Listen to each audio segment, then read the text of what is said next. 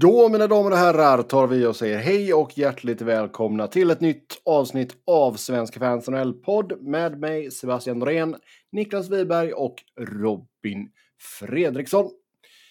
Vi har en hel del att prata om. Vi äntligen satt igång här i slutspelet och flertalet av serierna är faktiskt ganska spännande. Så vi ska ta och grotta ner oss i dem, hur det har gått så här långt och eh, ja, försöka titta lite in i spåkulan och se hur det kan gå i fortsättningen här. Det händer lite nyheter på tränarfronten som vi ska ta och prata om också. Och lite annat smått och gott. Och sedan självklart era lyssnarfrågor som vanligt. Jättestort tack till er som har skrivit in. Först ut, Niklas. Mm. Det var senaste gången du hamnade i ett YouTube-hål.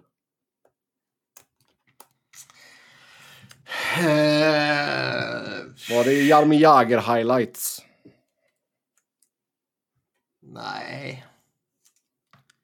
Senaste YouTube. Alltså ibland kan man ju bara när man inte har något att göra och man ligger och tittar på TV och så bara ska man öppna upp någon app och så blir det YouTube och sen så har det gått tre timmar. Men det kan ju vara att man kollar på massa olika grejer. Mm. Nej, vi snackade lite här innan vi började spela in att jag fastnade i ett YouTube-hål med ja, mindre bra bilförare kan vi för att vara snäll. Um, idioter bakom ratten är väl en bättre beskrivning på det hela. Ja, du hade rätt grova åsikter där om kvinnliga bilförare som du slängde ur dig. Som sagt, en överväldig mängd var män. Um, Det var inte så, så du sa när, innan vi spelade in. Försök inte ens. Um, men nej, men alltså kollade på, på första matchen här och sen uh, ah, men jag kollade lite YouTube och så bara pang så hade det gått en, ja, en och en halv timme lätt. Farligt. YouTube och IMDB kan man fastna på många timmar. Ah, IMDB är väl ändå fasta många timmar. Ja, men Niklas går in han bara, har han gjort en film med Jean-Claude Van Damme någon gång? Mm. Det är Ja. viktiga grejer. Måste Några dubbelkolla. timmar var kanske lite överdrivet, men eh, någon timme. Såklart. Yes, men om vi tar och hoppar över till hockeyn så börjar vi på nyhetssvepet där och eh, tränarsvängen. Mike Geo blir inte kvar i Philadelphia. Det verkar som att Lindy Ruff fortsätter i New Jersey och eh, sen så går det lite spekulationer om Bruce Boudreaus vara eller icke vara i Vancouver. Vi börjar med Geo och Philadelphia och där är väl Niklas nöjd antar jag. Ja, ja. Det är eh, självklart att, att plocka bort honom. Det går absolut inte att eh, ha tittat på den här säsongen och följt den här säsongen och eh, inte komma till den här slutsatsen. Sen var man ju skraj att de dårarna skulle komma till någon annan slutsats eftersom de är just dårar. Men eh, ja, nej. Han, eh, jag menar det det var väl rätt beslut att, att peta, eh, inte peta, vad säger man, sparka Vigneault med tanke på rapporterna som, som kom hur han hade tappat laget och uppträtt och hela det köret liksom. Eh, det, med tanke på hur skadeläget var så var det kanske till och med rätt att egentligen bara spela av säsongen, även om det var relativt tidigt där i december eller vad det var. Och bara ge jobbet till Mike Yeo, men eh, det gick ju inte direkt bättre under honom. Nej, men... Sen, server, sen serverades han ju en en skitmacka på, på många sätt med tanke på eh, skadeläget och sådär som var. Så det var väl inte direkt Ja, så att man hade några förväntningar på honom. Så lägg till en gnällig stjärnback på det och så, ja. Ja, nej, och sen så är det alltså typ man... Det gnälldes ju lite liksom när, när de petade Keith Yandel också. Eh, Kevin Hayes var liksom offentligt ute och, och liksom inte gillade det. Typ. Mm. Rör inte min kompis. Nej, men lite så. Och, och liksom... Eh, någonstans kan man väl tänka sig att en sån där grej kanske kan uppröra några spelare. Och det kanske räcker att det upprör en så pass eh, inflytelserik spelare som Kevin Hayes för att det ska bli en svår situation att ta vidare. Mm. Finns det, har det börjat spekuleras om vilka som kan vara aktuella att ersätta?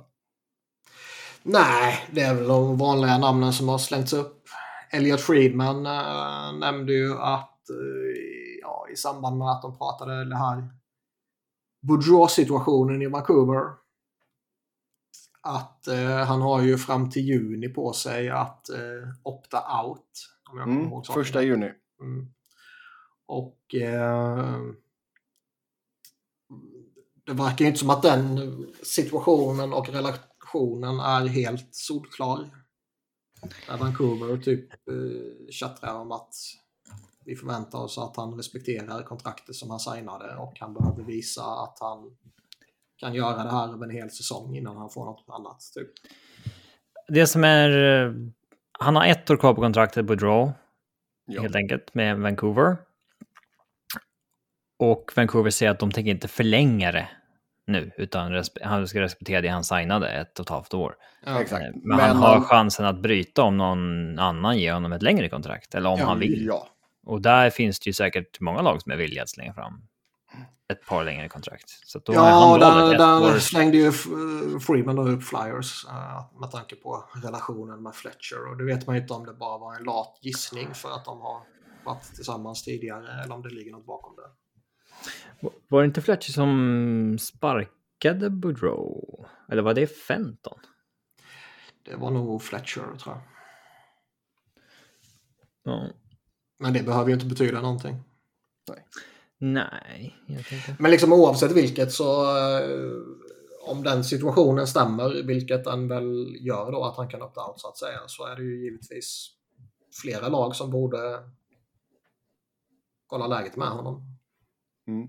Han var ju för... enligt mitt tycke en, en väldigt bra coach redan innan han kom in och, och fick det här jättelyftet med Vancouver. Oh ja. Och de Nej, alltså det har väl inte direkt gjort han mindre intressant så att säga. Nej, alltså om något så borde ju detta verkligen ha stärkt hans uh, aktier liksom. Det, det, känner man verkligen.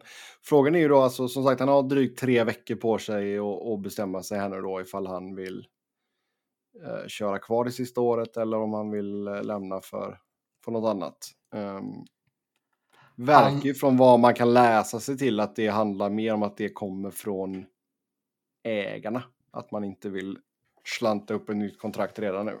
Mm. Han hade ju eh, två miljoner denna säsongen. Och får 2,5 kommande säsong. Eh, hiva upp 4 miljoner till honom så kanske han hellre flyttar till Philadelphia. Ja, speciellt om du ger honom ett tvåårskontrakt på fyra eller en treårskontrakt. Ja, något sånt. Jag skulle, jag menar, ja, li, li, alltså... ligger det någon sanning i att eh, Dave Scott, Flyers CEO, sa att eh, Chuck Fletcher har fått en, liksom, en blank check typ, för att fixa det här? det ska man ju inte säga öppet i så fall. Nej. Nej, men det var ändå lip service för supportrarna. Uh, mm. Man behövde höra det, att liksom, vi ska göra allt vi kan för att få ordning på den här skiten. Och kom Costa Rica, man behöver utnyttja de ekonomiska musklerna och då, jag menar, det finns bara ett antal, eller det finns, vad säger man, det finns ju en, en fast siffra att spendera på, på spelartruppen. Liksom. Mm. Så de här rika lagen måste ju hitta andra sätt att utnyttja sina pengar på. Och det kan man göra Absolut. på många olika sätt. Ett sätt är ju att betala mer för sina coacher och kunna ha förmågan att sparka en dyr coach i Vigneault och anställa en ny dyr coach. Ja, absolut. men om vi, om vi leker med tanken då att det inte blir Bedrow uh, och det är liksom de här the usual suspects. Um, hur hade din Säg att du får ta ut två namn som du jättegärna hade velat se och sen två namn som du absolut inte vill se. Jag eh, attraheras av tårtan, måste jag säga. Oj, okej. Okay. Eh, och det har jag ju sagt tidigare, men eh, Eh, i grunden är han ju en bra coach.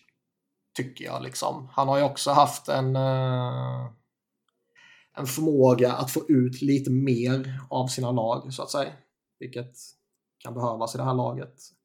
Och eh, jag tycker också att det vore skoj att se en jävel som hatar spelarna lika mycket som jag kan hata dem.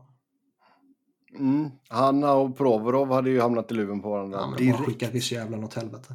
Ja, det... Sen så är det ju lite så här liksom, har, har de, eh, har de eh, har den här truppen liksom tröttnat på en tränare som var lite för, eh, för hård mot dem. Så varför ska de inte göra det mot en ny hård tränare? Typ?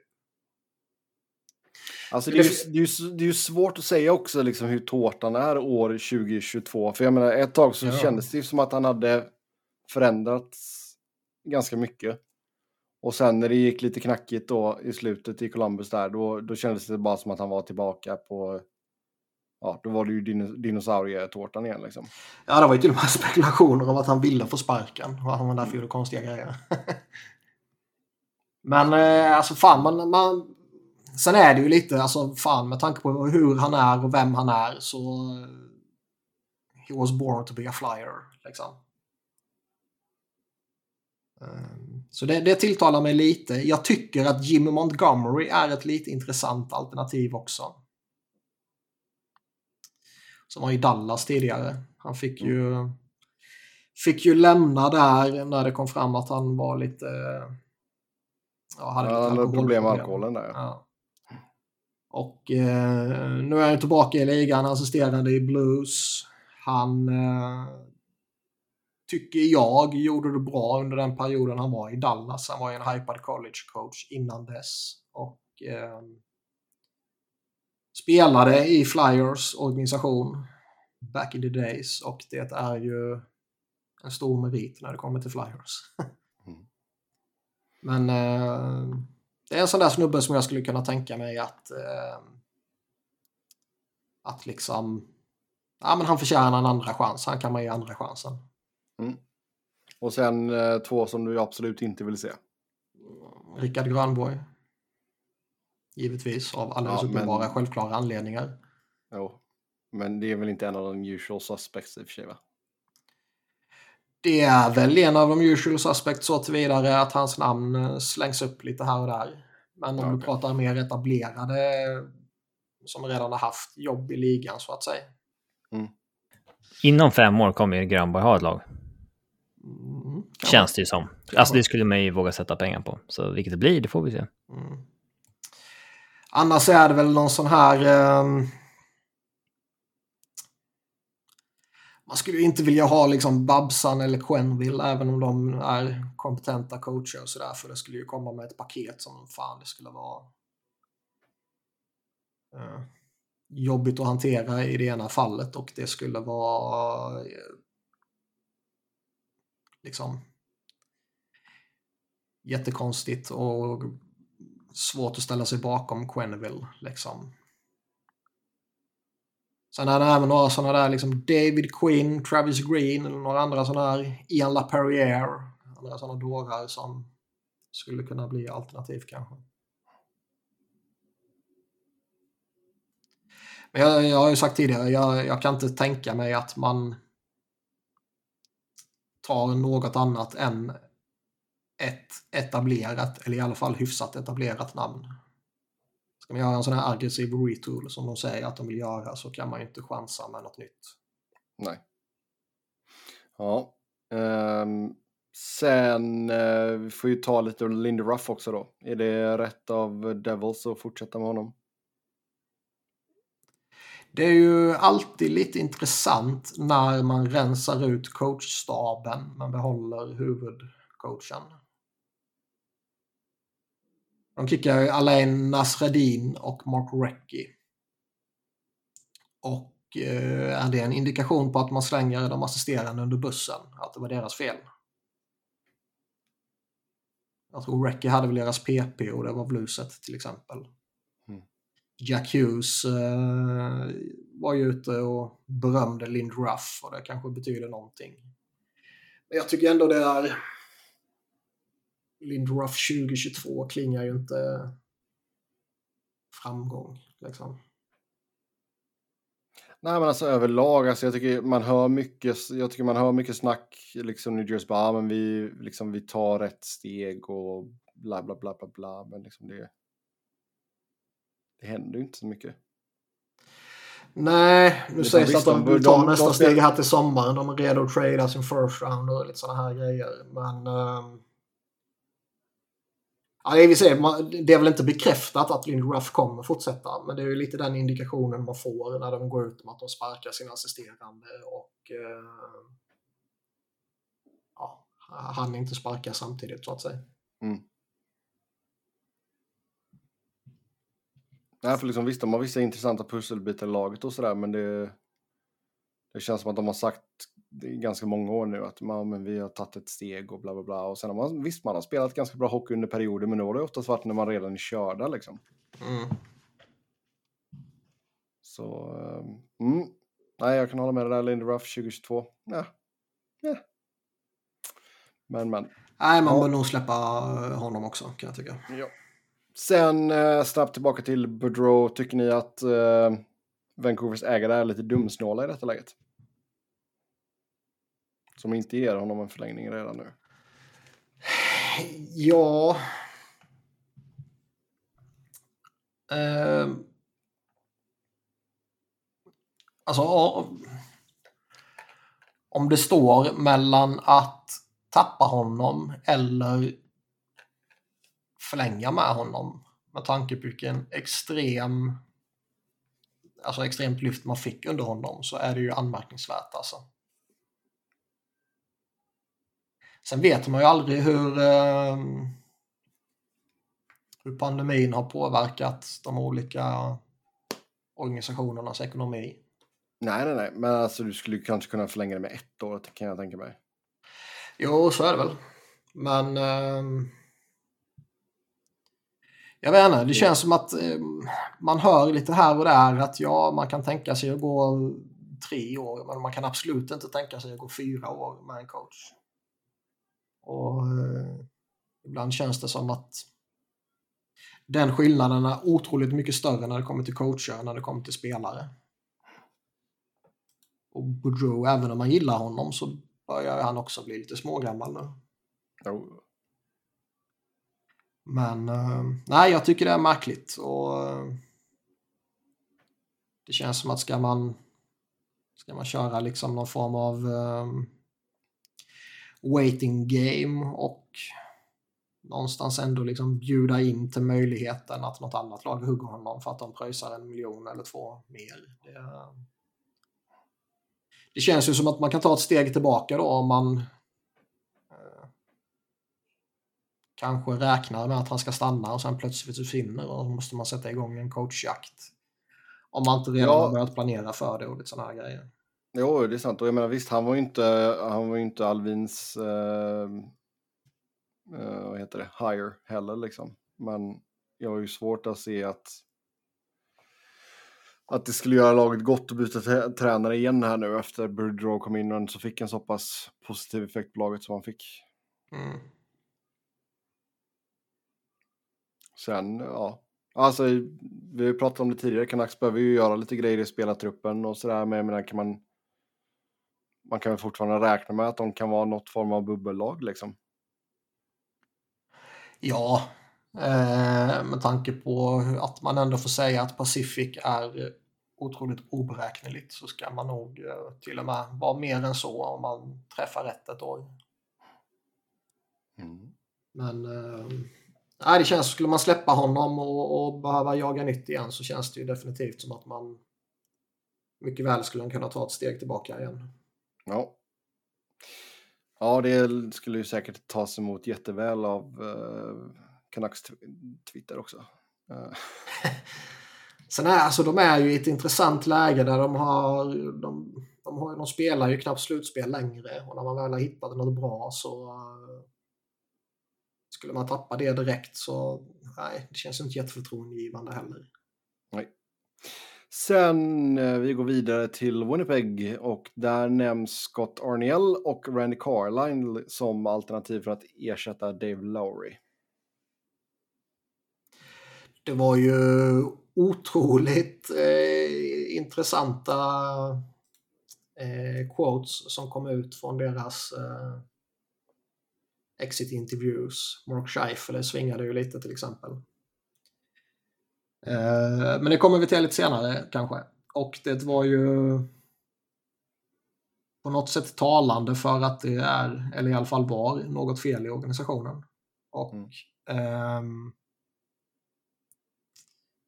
man kanske får en insikt i varför Paul Maurice bara stack. Det kanske inte var något bakomliggande utan kanske bara var att det var fullständig kaos och folk typ inte brydde sig. Paul Stasny tror jag det var som var ute och snackade lite också om att eh, eh, jag kommer inte ihåg exakt vad han sa, men att man typ inte brydde sig och inte Nej, just det. Jag såg, jo, jag såg den exit-intervju med honom och Blake ja. Wheeler var det. Mm.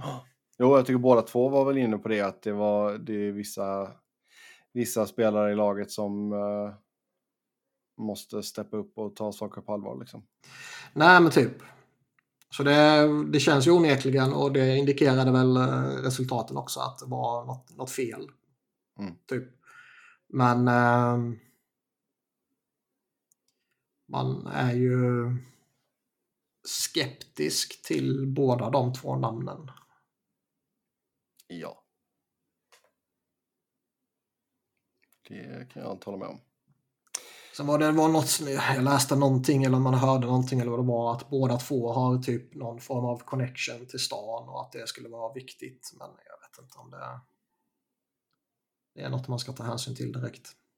De, de skiter att det inte finns någon flygplats. Men det, um,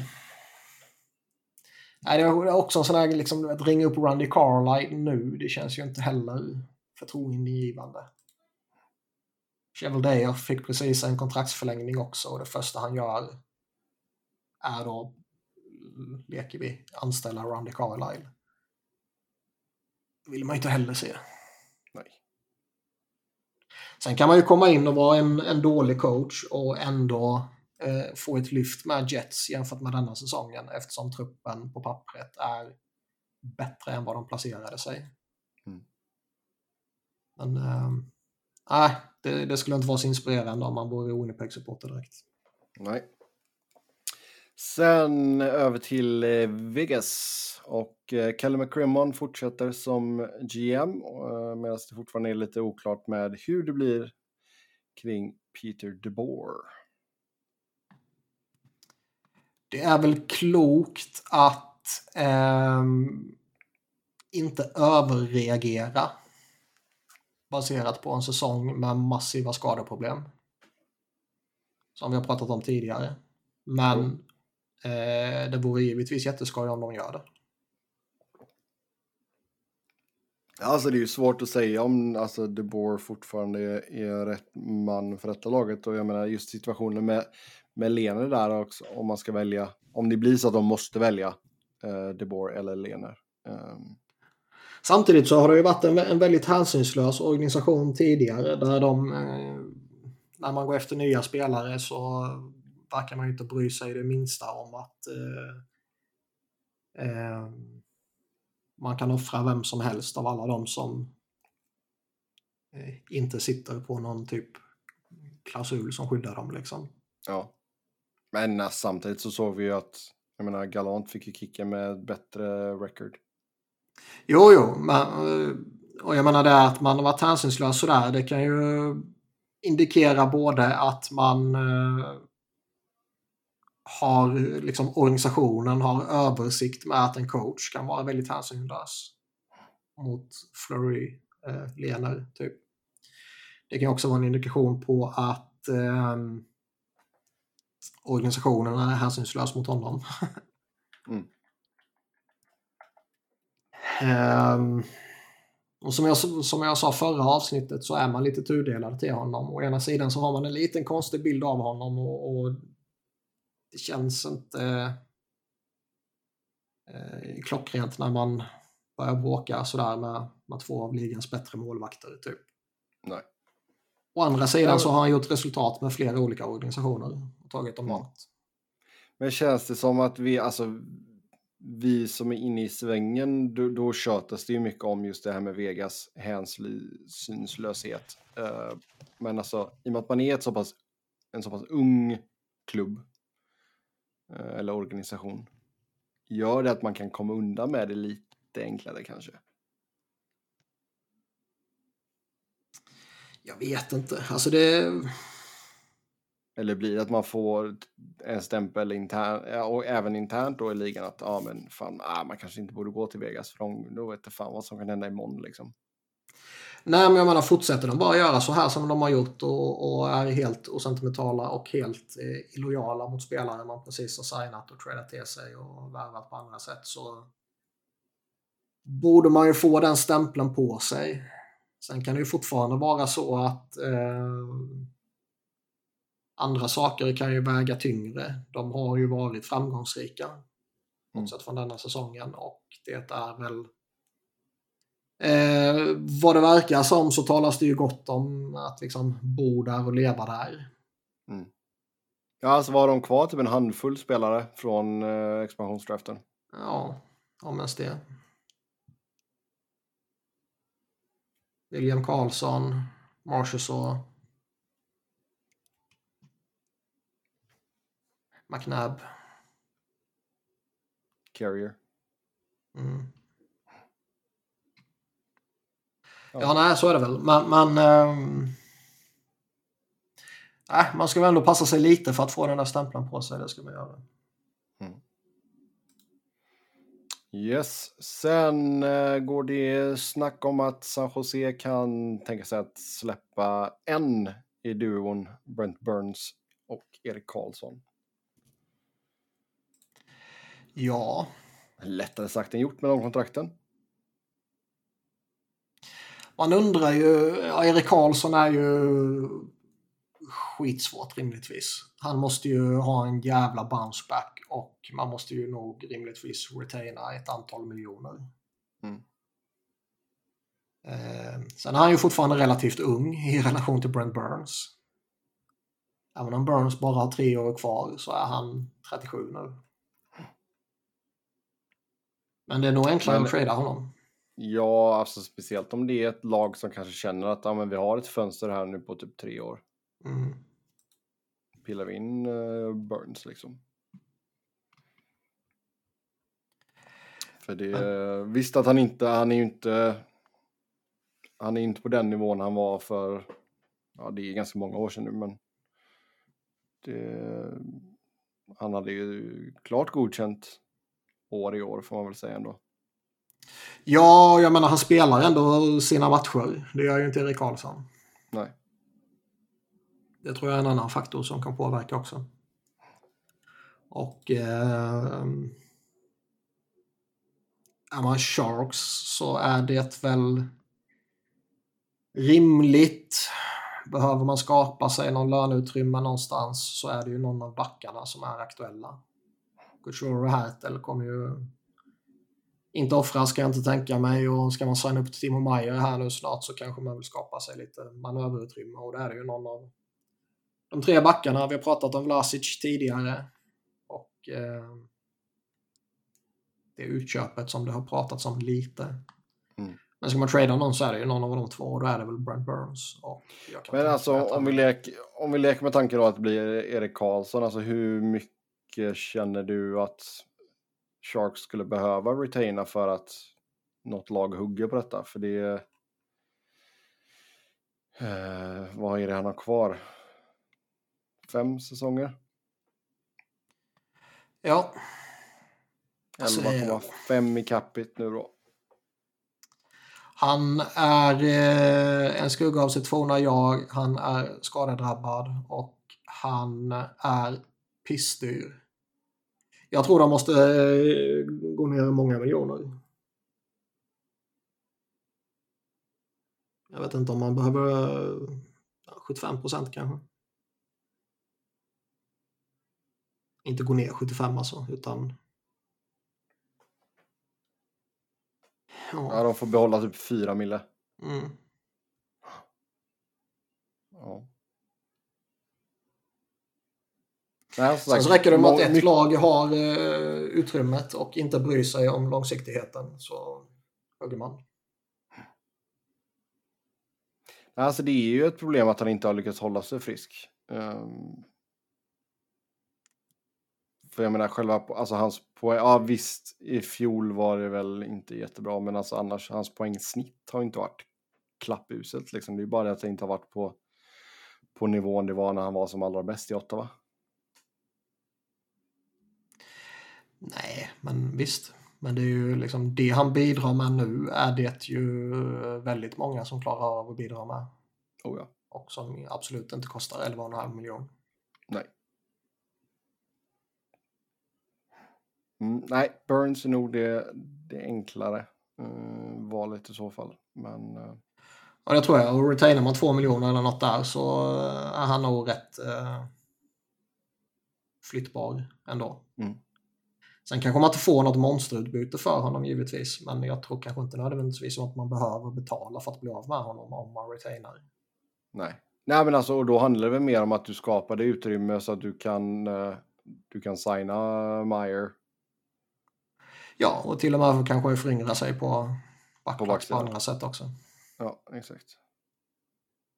Men det är intressant, det var ju lite snack och jag kommer ihåg jag själv skrev någonting om att typ lagen som har haft två sådana här framträdande backar genom, genom historien har nästan alltid gått och blivit riktigt framgångsrika. Inte alltid så att man har vunnit kuppen men man har alltid liksom varit och jagat kuppen på, på allvar. Typ. Och eh, det har ju slagit rätt fel ut för Sharks. Oh ja. Sen är det väl inte bara de två som ska lastas, men eh, ja, det var inte helt... Eh,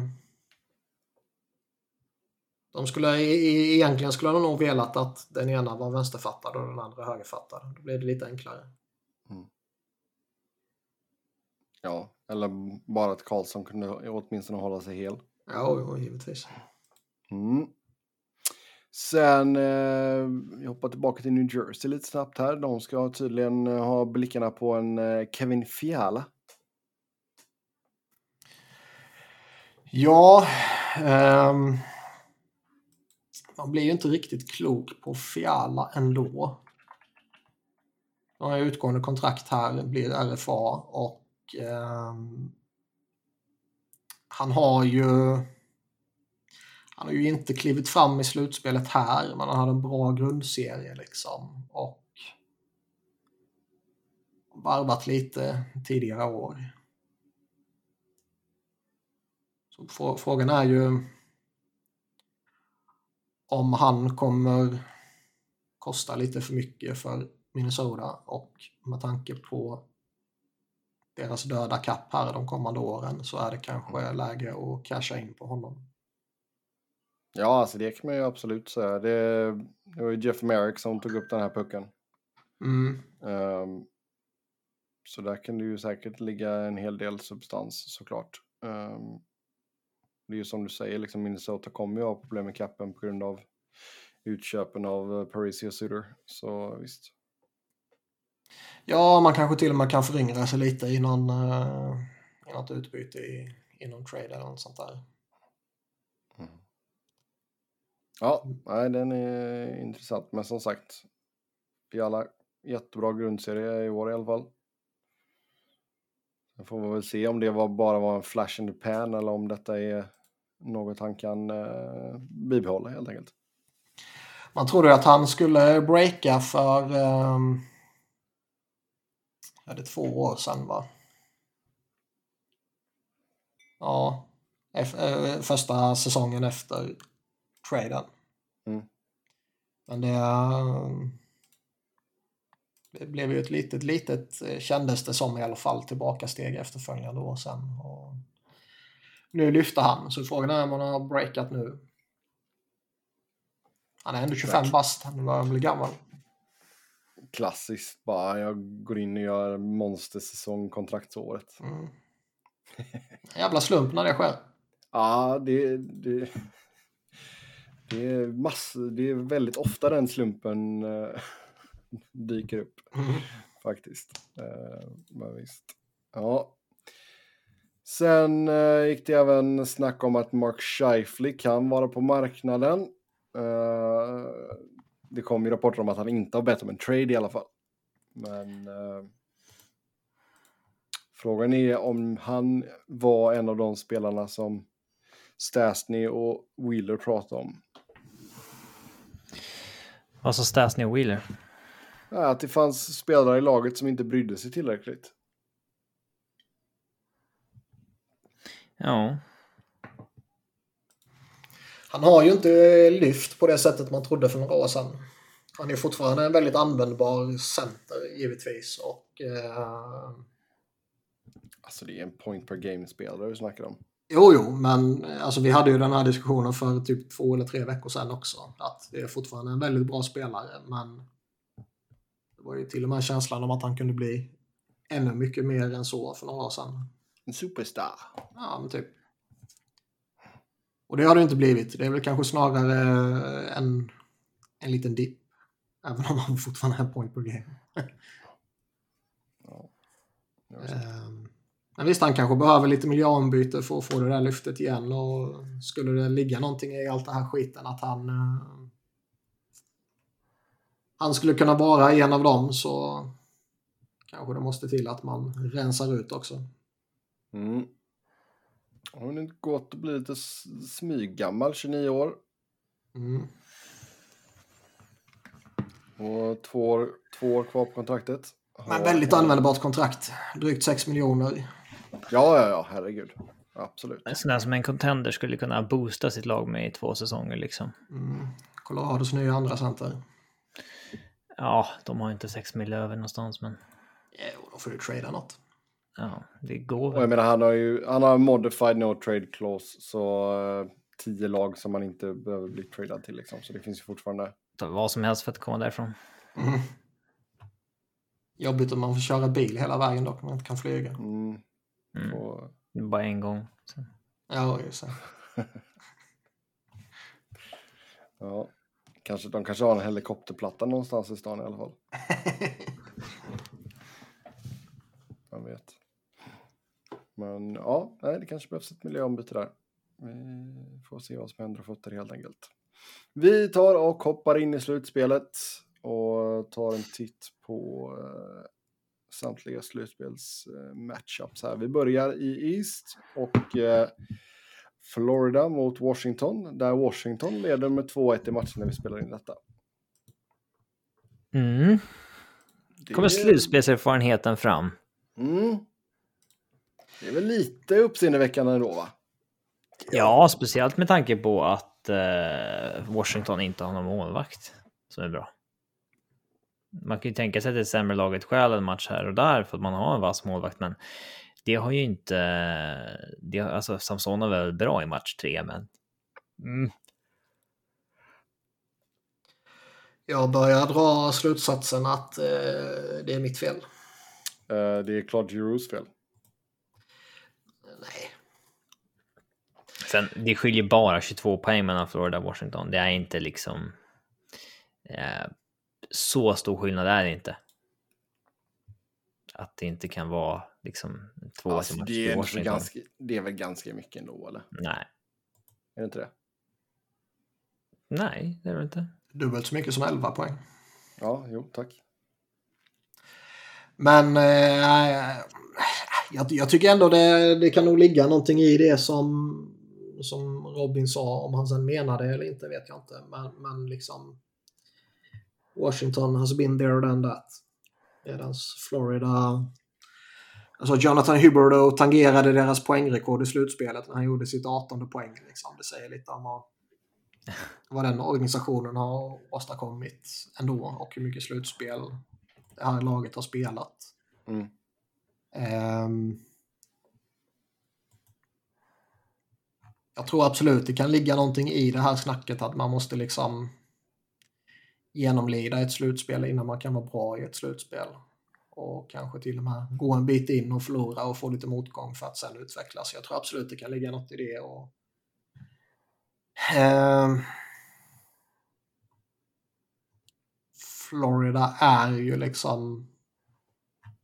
Det här är ju något nytt för dem Inte, inte, inte nödvändigtvis att spela slutspel, men att spela slutspel som ett genuint bra lag. Ja, där du kliver, in som favorit också. Ja, President's Trophy, allt vad det innebär. Så det, det, tror jag absolut kan, kan vara någonting. Sen är det väl... Det är väl rimligt att ställa sig frågan till om Aron Ekblad är i fullgott slag också. Nej, det är klart att han inte är. Nej, och eh, det är klart att det påverkar.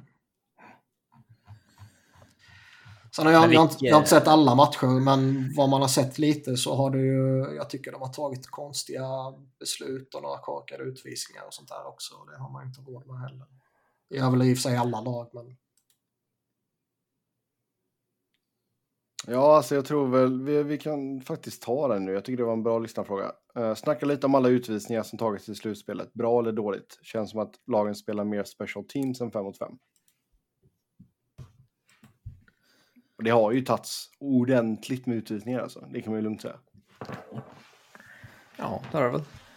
Uh... Jag säger inget emot det om det är vad regelboken säger. Problemet är ju om de, som de förmodligen kommer göra, börjar slänga bort regelboken när matcherna går in och börjar bli utslagsmatcher och blir viktigare och domarna då inte vill påverka matcherna men påverka dem ännu mer genom att inte ta utvisningarna.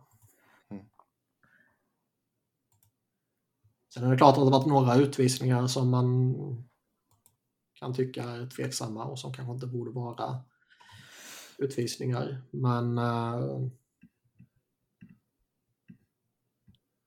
det är väl kanske nästan så att man föredrar att de tar någon utvisning för mycket än att de tar alldeles för få utvisningar. Ja, så tycker väl jag också numera. Förr kanske man var lite tvärtom, men mm. Du har blivit mm. gammal nu. Nej, men eh, man får ju liksom... Vilka vill man ska thrive i den här sporten egentligen? Ja, de skickliga spelarna. Ja, så är det mm. De lyckligt lottade människorna i livet. Jo, absolut. Eh... Jo, men framförallt att, du, att de tar grejer där du använder klubban på liksom mer eller mindre som ett vapen eller vad man ska säga. Um, jag, tycker, jag såg ni Marchans uh, slash på, uh, fan är det han heter nu? Carolinas tredje målvakt. Ja, ja. crosscheckingen eller? Alltså först så crosscheckar ja. han och sen så rappar han till honom. Rappar han över armen väl? Ja. Efter att de har pushat på varandra några gånger. Ja det är ändå märkligt att man, man har en, en rookie-målvakt i, i kassen. Gör slutspelsdebut. Han har gjort tre matcher i grundserien och eh, Marshall bara får stå och slå på honom utan att någon gör något. Ja. Alla hatar kanske ryssar nu, men vad fan. Fast alla borde väl hata Marchand också om man inte har det egna laget. Jo, jo. Um, nej men alltså alla sådana grejer, liksom crosscheckingar i ryggen och sådär. Liksom, fan, plocka, ta bort det ur spelet bara.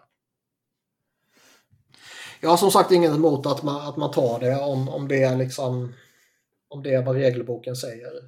Mm. De, de brukar ju alldeles för ofta bara slänga regelboken åt helvete. Och jag antar att de kommer göra det nu också, för jag kan inte tänka mig att eh, när matcherna börjar gälla mer och mer och det blir utslagsmatcher så kan jag inte tänka mig att domarna kommer vilja lyfta armen så mycket som de gör. Utan då blir det Samtidigt så alltså lagen kommer, jag tror lagen kommer anpassa sig också. Kanske. Det kanske tar några matcher men sen så hittar man den nivån också liksom. Kanske. Men eh, visst, vi har absolut sett jättemycket special teams, det har vi gjort. Um, och där gäller det ju att vara effektiv. Som Colorado var senast till exempel. Det tar vi sen. Ja, och som Florida inte har varit till exempel. Ja. Jag ska gå tillbaka till den serien. Mm. Hur uh, känner vi oss fortfarande? Hade vi alla tre att Florida gick vidare? Ja, det hade vi nog. tror jag nog. Men... Uh, ja, alltså det, det är inte över än. Nej, det är 2-1. 2-2 så allt vidöppet igen. Ja. Uh, så är det ju.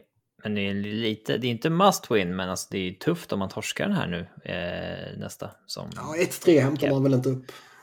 Nej, men då är man helt plötsligt, då är det mycket darr sen Mm. igen. Jag hade Florida i fem, så att den är rykt. Ja. Mm. Jag är säkert också att eh, Caps eh, uppenbarligen inte behöver Tom Wilson och att han därmed är grovt överskattad.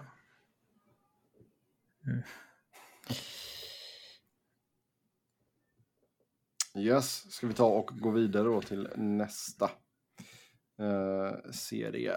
Och där har vi då Toronto som leder med 2-1 i matcher över Tampa Bay. Ehm, ja, eh, dominerat de matcherna de har vunnit, bägge lagen. Mm.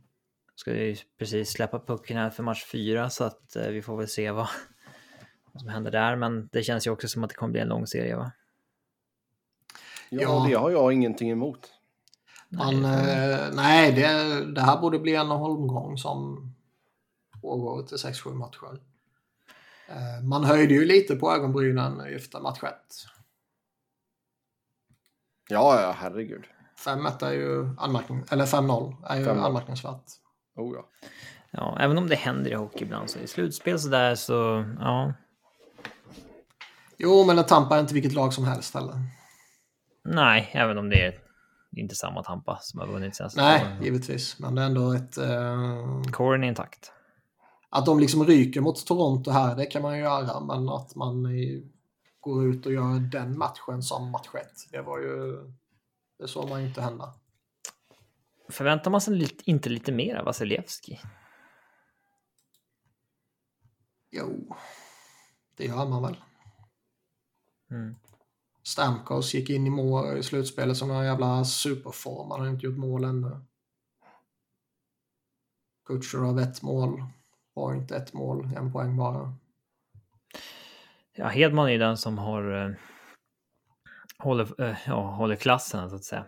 Mm. Ehm, Toronto har ju fått sina toppspelare att fire on all cylinders så att säga. Så att, eh, Oh, ja. Och jag menar, och sen fick du ju väldigt bra secondary scoring i eh, senaste matchen också. Nu hade du ju Mikheyev med två baljer och assist, assistkungen Engvall. men liksom Vasilevski mot Jack Campbell, det borde ju det borde ju fälla avgörande till slut, eller? Ja, det borde Eller det. sju matcher. Ja. Fast Campbell har, alltså han har väl visat att alltså, han kan ju få, kan kan komma in i ett sånt jäkla stim. Jag menar, vad, den där galna sviten han hade. Jo, givetvis. Men Vasilevski är rätt okej i grunden också. Oh ja. Ja, alltså i grunden absolut. Vasilevski är mm, bästa målvakten i ligan. Ah, ja, visst. Eller? Okej, topp tre då? Ja, visst.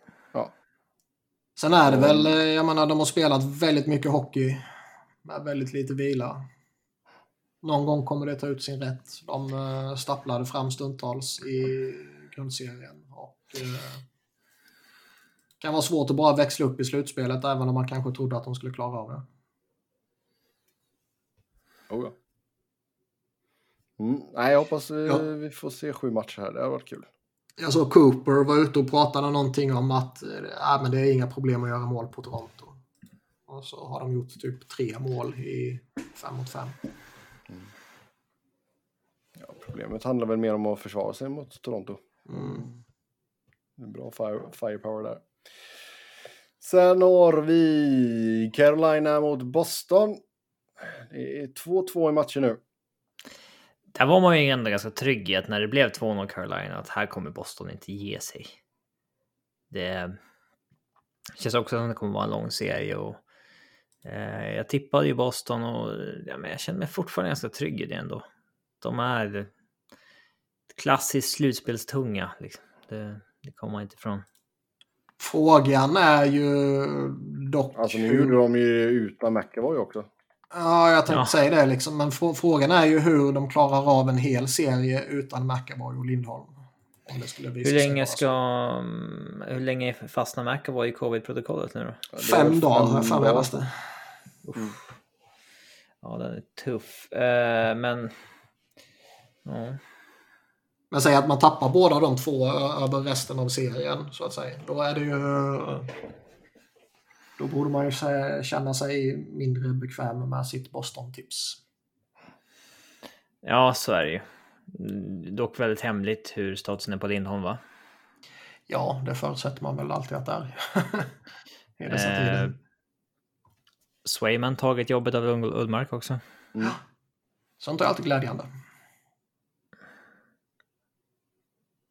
Så det förvånar mig inte. Det var ju ganska 50-50 under grundserien också mellan de två. Så torskade de Ja, de två första det- matcherna så... Det är få lag som numera går in i slutspel med en committad etta sådär. Utan visst, utan det är ju... Ja, man... man... Det Det känns som ju att... en otrolig målvaktsrotation i, i slutspelet. Ja, Av olika Så var det ju inte för tio år sedan. Utan då var det ju verkligen att den här killen kommer vi köra på slutspelet. Liksom. Mm. Och så kör man på den i döden. Liksom. Det har varit framtvingat kunde av bli skador och sånt av mycket match. nu. Men... Vad sa du? Nej, jag sa visst, alltså de kunde bli pullade någon match. Men det, det var ju fortfarande att ja, men nästa match då startar de igen. Liksom.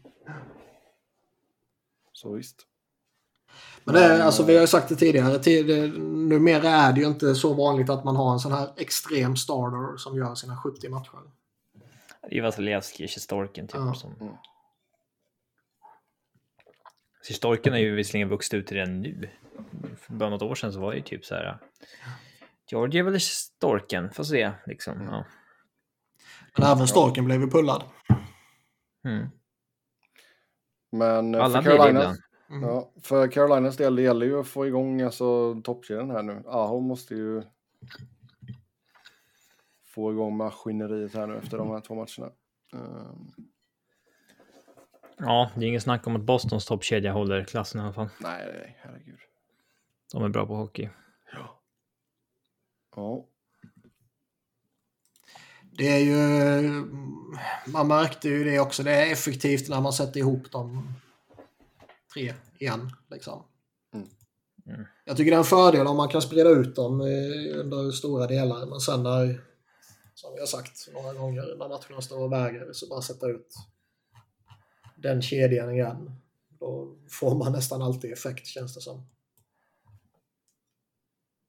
Ja, ja, herregud. Alltså det är ju tre klassspelare. Det... Bergeron hade väl lite flyt också. Men han fick ju en klubba upp i ansiktet här nu. Eh, som tur var så tog Ja, han det där kan ju gå åt helvete. mm, tog strax eh, bredvid ögat istället för i ögat. Mm.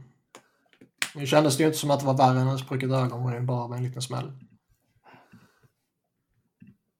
Nej.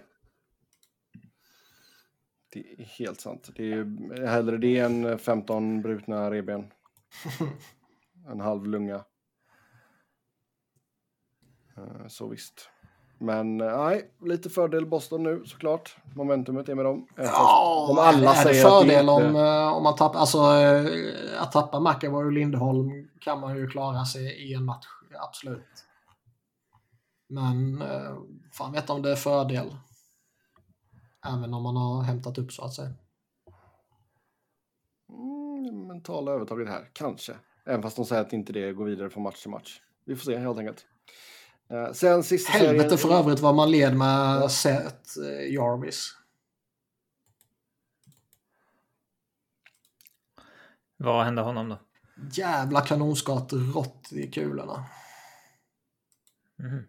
I A-set. Mm. Där föll han ihop och hade ont. Det kände man Var inte det så fan lika i illa som när PK Subban var med i Jackass och sköt slagskott? det kommer jag inte ihåg. Jag har inte sett nya Jackass-filmerna faktiskt. Ja, är helt okej faktiskt. Helt- Hur bedömer man en sån? Ja, men alltså, det jag är menar, så här- det, det känns som att man har väl vuxit ifrån det lite.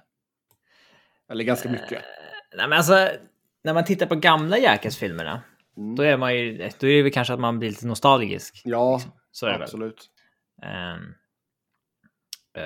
men ja, och man känner ju också lite så här. fan ni är 50 bast nu, ta det försiktigt liksom. Ja, Det, lite så. även om eh, alla från originalgänget knappast är med och att de har ju tvingats fylla på med lite, lite nytt kött. Ja, exakt. Mm. Eh, sista serien i East, då har vi Pittsburgh som leder med 2-1 i matcher över New York Rangers. Även här tror Ja. jag det kan vara en, en faktor med erfarenhet som vi pratade om i, i Florida-serien. Jag tippade ju svep här, Mm. Rangers. Rangers har inte spelat mycket slutspel de senaste åren. Pittsburgh och Pittsburgh. Ja. De Eh, går upp mot jävla Louis Domingue.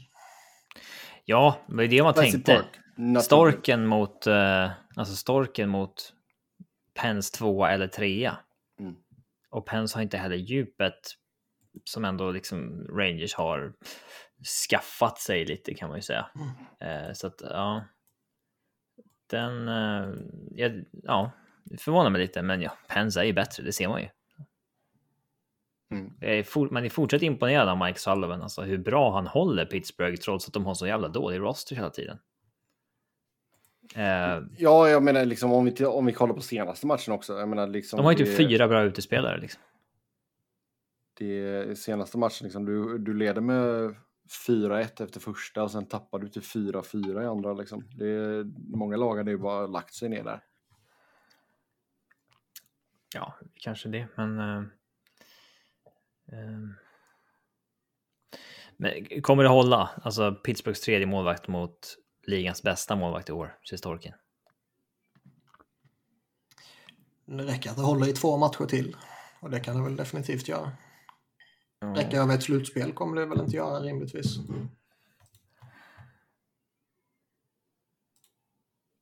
Ja, det blir nog... Crosby är fortfarande fantastisk, men det märks att Malkin är lite äldre nu alltså.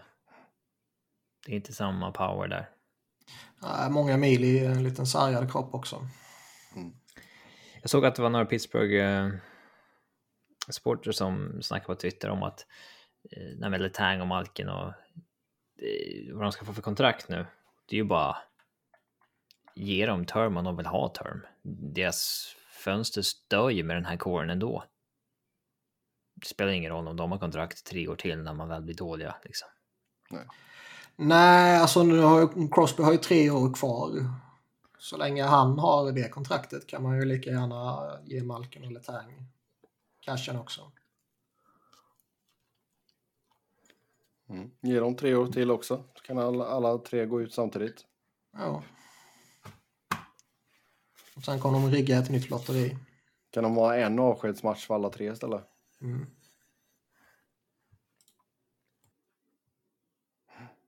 Men eh, nej, det blir intressant att se ifall de kan rå sig på Rangers här. Eh, faktiskt. Jag vill bara säga att eh, nu eh, fick jag Steven Stamkos till att göra mål. Ja, Okej, trevligt. Det är bra. Live jinx Mm. gillar vi. Ja, över till Western. Där Så- har... Ja.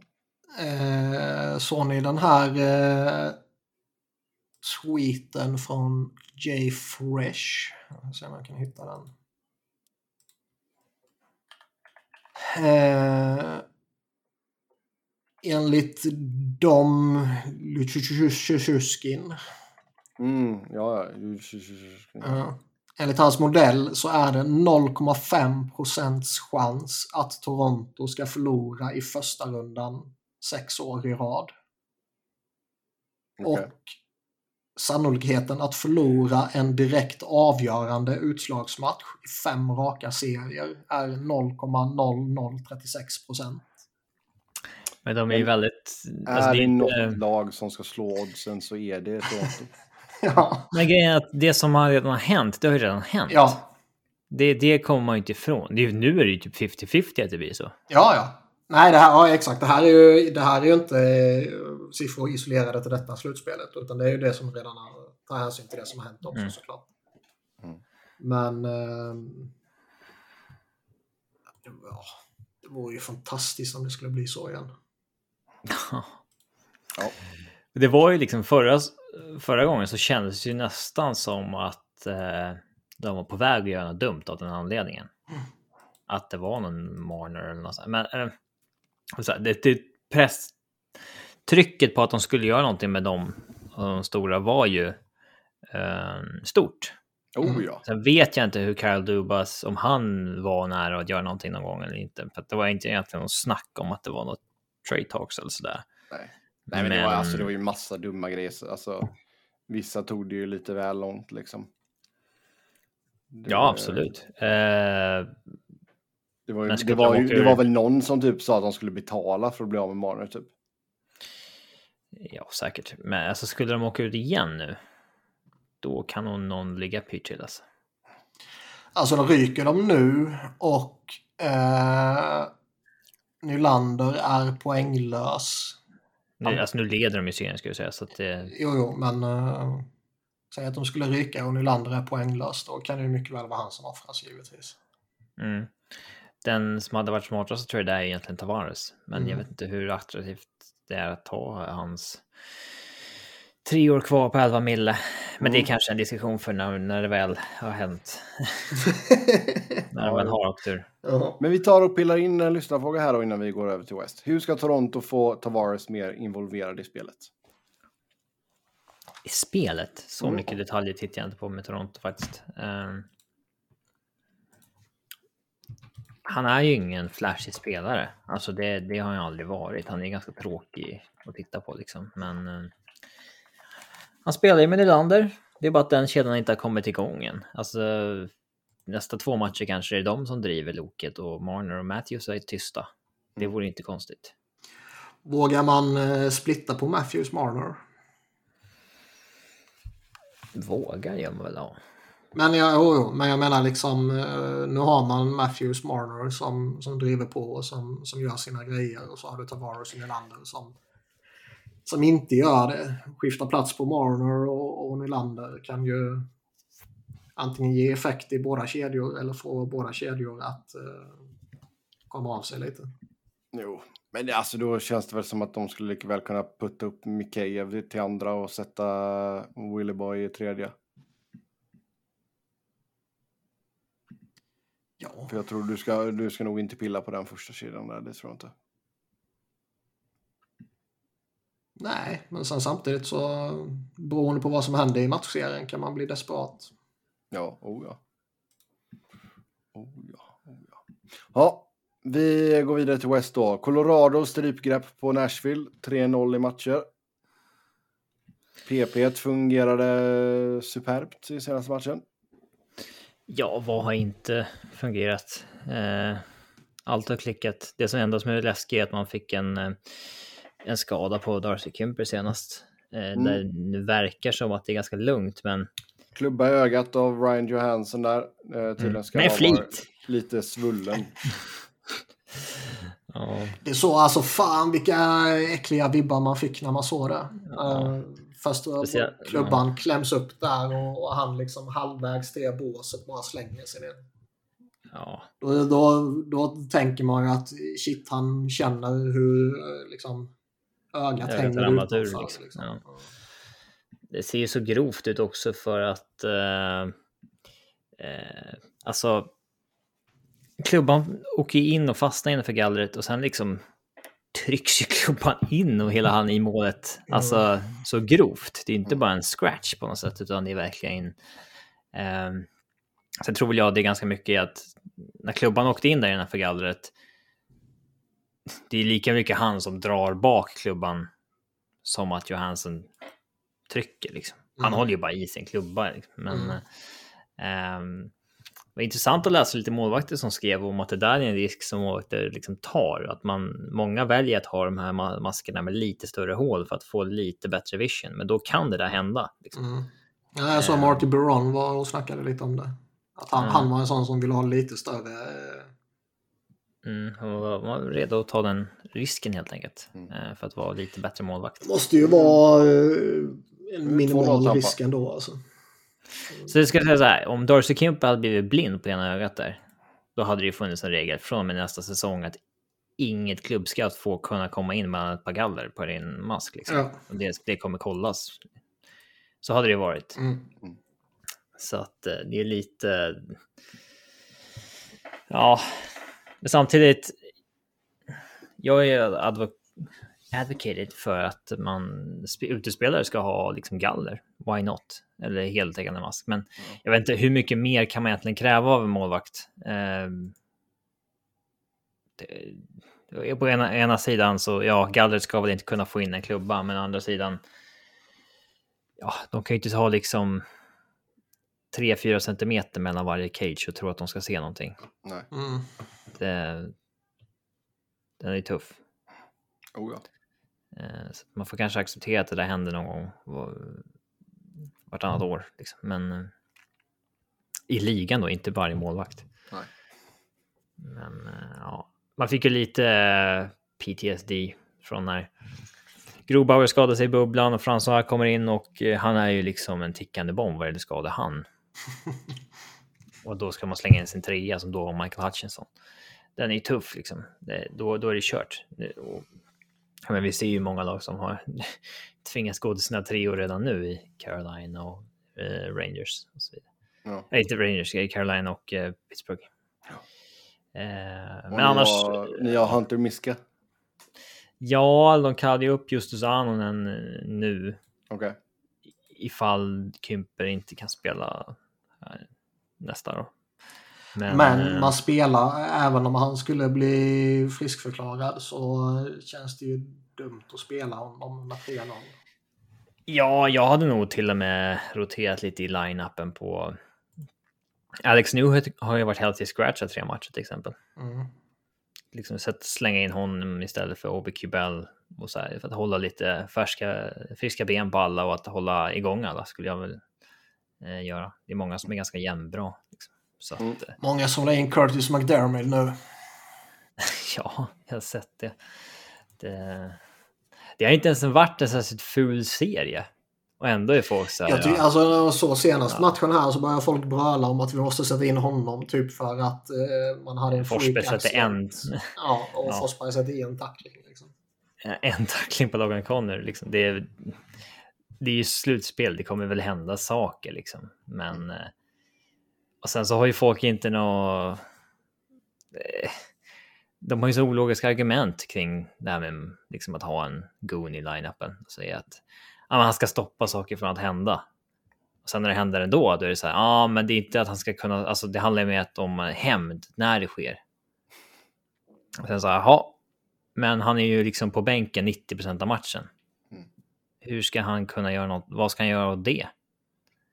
Eh, Det har ju hänt saker när han har varit med i line-upen, men han är ju inte på isen då. Och ja, det är inte så att den spelaren måste slåss mot honom tre minuter senare. Det är bara att ignorera honom liksom. Och sen även om det blir en fight. Ja, so what? Vad händer efter det? Liksom, ja, McDermott vinner väl den fighten för att han vinner alla fighter, men vad får man ut av det? Jag menar, Apollo Creed är fortfarande död även fast Rocky slog, eh, gick upp mot Ivan Drago. Liksom. Eh, det var Tampas 3-0 jag skrattade åt, inte din Ja. är, Ja. Men lite så är det ju. Liksom, Apollo är fortfarande död. Bara för att eh, Rocky vinner matchen mot Drago ändrar ingenting. Mm. Spoiler alert och så vidare. Ehm, så ja, Bellamere satte 2-0 och sen nu Maroon satte 3-0. Mm. Play of Warriors. Alltså Maroon man stör ju- ju sig något så otroligt på den människan. Människan också, inte hockeyspelaren utan människan. Ja, människan. När blev du verified på Twitter Sebbe? Uh, Va? förrgår eller någonting. och det här har du inte liksom skrytit om. Det här är ju goals i livet. Ska jag, ska jag skryta om det? Har du legat på NHL om att du vill bli verified? Nej. Nej. Det tror jag 100 procent. Alltså vad, hur skulle det annars ha gått till? Man skickar bara in en ansökan, det är inga problem. kom igen, det finns ju hur många som helst som inte får bli Alltså jag, verified. jag fick det verified samma dag som jag skickade in det. Jag tror det var i förrgår. Eller om det var dagen innan. Okej. Så ni kan kalla mig för the, ver the verified one. Från och med nu liksom. Är lite skitnödigt och... Hur byggde du ditt case? Ja. Ja, det är trade secrets. Uh, nej då. Nej, alltså man fyller Det- bara i. Herregud, det är inte svårt. Nej, det kan, det kan ju finnas en... Eh, Jag Jag tror, och Niklas gör det och jag kollar om någon jag tror inte Niklas skulle ha några problem överhuvudtaget. Va? Nej. nej, I'm kind of a big deal. Nej. Men det är ju otroligt är- skitnödigt. Det, det finns ju en vinning i att göra det kanske om man är en riktig celebrity eller eh, någon, något sånt där. Och verkligen visa att ah, men det här är rätt konto. Mm. För en nobody som Sebastian Norén så känns det ju jävligt skitnödigt. Ja, faktiskt. Vad, vad ska du med det till? Men nu har jag det. eh, och ni har det inte, så eh, pilutta er. um, Det roliga är nu om man, om man nu kan liksom eh, ja, komma över din Twitter. då kan man ju då skicka ut någon tweet som liksom skulle få snurr för att den har en verified-stämpel. Ja, exakt. Där det är liksom, eh, där det är liksom Marner to Montreal. Eh, awaiting details. Liksom. Ja, exakt. Eh, alltså, kanske inte så stort, för det är, men det står ändå nhl.com och så vidare i din Twitter-bio. och Så där, så det, Mm. mm. Så är det i alla fall. Eh, men det känns väl som att Colorado kommer väl springa hem det här. Ja, och på ämnet så jag... Vissa säger det hade ju inte skadat att slänga in McDermott. Jag tror ju att det hade det för att en av nycklarna har ju varit att Avs har fyra kedjor som Nashville inte hänger med i. Liksom. Utan det eh, till exempel till match två så var, kunde Cogliano spela. Eh, och då valde man mellan Logan O'Connor och Carmitus McDermott. Eh, valde till slut Logan O'Connor och eh, man gör ju mål i sadden när fjärde kedjan har haft ett, ett grymt byte och så hamnar pucken hos McCarr som skjuter och skjuter igen och skjuter igen och så går den in. Eh, det målet går ju, sker ju inte om McDermott spelar den linen för att det är inte samma sak om bara fyra spelare kan spela hockey. Liksom. Eh, så att jag tror inte att man slänger in honom, utan jag tror man fortsätter trumma på det man har. Men jag hade gärna sett en rotation på typ OBQ Bell och Newhook för att få liksom lite hålla honom igång också. Eh, Ehm, jag måste ju fråga om uh, Landeskog också. Han hade ju en bra outing här nu i senaste matchen. Ehm, efter att ha vilat så länge på grund av sin knäoperation. Ja, han hade väl kunnat spela att, eh, alltså om man sa Aaron Eckblad att man undrar hur frisk han var, Mm. så hade väl Landeskog kunnat spela med en, två veckor kvar kanske om det verkligen behövdes. De sa ju dock att de ville ge honom en match innan, innan slutspelet, men det gick inte riktigt. Eh, så han kanske inte är 100-100, men ja, det ser inte hämmat ut i alla fall. Nej. Nej, men säg att han kanske är 85-90 nu och in, innan operationen var han på 70. Ja, eh, och då kan jag inte få tillbaka sitt jobb i första linen. Det har ju Niturskin tagit och då man, kan vi ställa en andra line med Landeskog och Kadri och Arturi Lekkonen. Mm, det är väl helt Ehm. okej. Mm. Det är Burakovsky som har eh, petats ut utanför topp eh, top sexan, men han är ju sån eh, streaky spelare. Han kan ju ha liksom snart så här, sju mål på sju matcher och så vinner han i princip en serie åt Ja, jag såg att du Laget. fick ta en liten strid för honom där på Twitter. Ja, men han är ofta en sån som kritiseras lite för att han liksom... Det känns som att det är antingen gör han mål eller så bidrar han inte, typ. Nej. Men det tycker jag är lite myt. Ändå. Men alltså nyckeln har ju varit att man nu har ett, en, eh, en backsida som är helt healthy. Liksom. Och man inte tvingas spela en Jack Johnson eller så här. Han har varit helt okej, men... Eh, alltså, att du kan ha ett första par med Taves McCarr som liksom det är det bästa backparet i serien förmodligen. Det andra par där liksom Sam Gerard får spela med en vettig Josh Manson och Josh Manson får spela med en Sam Gerard som passar honom i ett grymt andra par och så har liksom Bowen Byron och Eric Johnson i tredje. Det är ju... Det är, mm, det är bra. Ja. Eric Johnson är ju ingen sex miljoners back längre, men om han är en sexa så mår det ju väldigt, väldigt bra. Så att eh, där, det är ju nyckeln till allt. Eh, Darcy Kemper har ju varit jättebra också, så att eh, hittills så finns det inga som helst problem med Colorado. Nej. Ja, sen... Ja. Eh, Nashville, vad ska man säga? Det, ja, alltså det det hade kanske därför- blivit match om det om Saros var med, men jag ska komma ihåg att han har inte varit så jävla bra heller de senaste månaderna. Han har ju ändå i sig att kunna vinna någon match. Mm, han har i alla fall gjort eh, competitive i några matcher Ja. till. Jag menar match tre till exempel, den, den har de potential att stjäla. Där, där gör ju deras utspelare sina mål. Liksom, de, de får ut eh, tre mål, men eh, då kastar han in puckar istället, Conor Ingram. Eh, Ja, och sen så, alltså, som sagt, vad gick Avs 4 av 5 i PP liksom? Mm. Um, I match ett så var det väl 5-0 efter sex minuter eller. Den första perioden är något av det sjukaste man har sett på länge. Alltså. Ja, det var ju lite att allt gick in. Ja. Det var ju svårt att bedöma resten av den matchen i och med att när en match är död efter 10 minuter, vad... Hur bedömer man liksom resten av prestationen? ja, nej, jag stängde av efter första perioden. Ja. Ja, man oroade sig bara att någon skulle bli tacklad liksom. Mm. ja. Men ja. Sen har Nashville, vi, ja. Jag tänkte komma till det, just Filip Forsberg fick ju en eh, fråga här idag. Uh, försökte väl eh, luska lite om hans framtid. Kan ju vara sista matchen. Det kan det ju, faktiskt.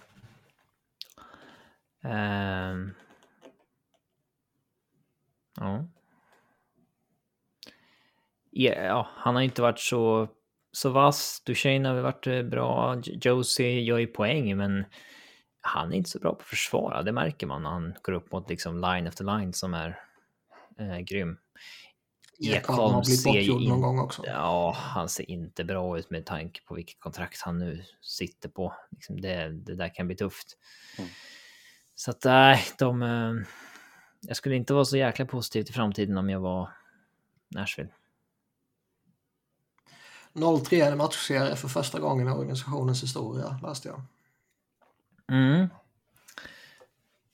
Det... Ja, de har antingen inte gått till slutspel eller varit bra Mm. på något sätt. Så att... eh, Ja. Oh, ja.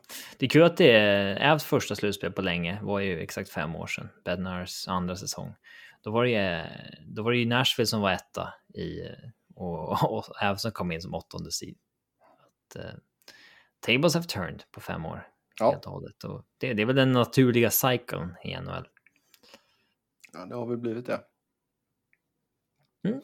Ja, vi går vidare. Efter att ha vunnit match fyra här idag, när vi spelar in detta, så står det 2-2 i matchen mellan Minnesota och St. Louis. St. Louis alltså vann match fyra.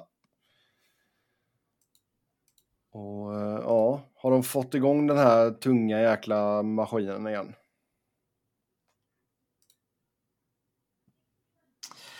Ehm, de har ju inte haft det helt enkelt på backsidan, Blues. Det har varit lite skador där. Men ehm, det kanske man kan hantera ändå. De byter målvakt också. Mm, Binnington Ja. kom in. Känns det inte som det ofta blir så att någon yngre förmåga har egentligen slagit ut... Eh, eh, jag menar, kommer när Grobauer slog ut Holtby och gick in i slutspelet, men väl där så brukar man hamna på veteranen till slut ändå. Mm. Det känns som det kan vara lite så. Alltså, Oso gör ju en bra match 1, sen släpper han ju fem i eh, match 2, sen släpper han de första två skotten i match 3. Det får ju liksom inte hända att du ger ditt lag den uppförsbacken direkt. Eh, så att, eh, ja, det, jag tyckte det var rätt att gå tillbaka till Billington i fjärde, som han nu vann. Så att, eh, det blir det väl han framöver. Mm. Ja, alltså han kommer in och övertyga här nu, så visst, och jag menar, han har ju visat att han har vad som krävs tidigare. Um, så det är, man kör på honom här nu, helt enkelt. Vad är det så som har fattats för Minnesota här de senaste matcherna? Ja. Så mycket har jag inte detaljkollat på deras matcher, ska sägas, men... Eh, Kaprizov är ju fenomenal. Inga... Ja, han gör ju sitt.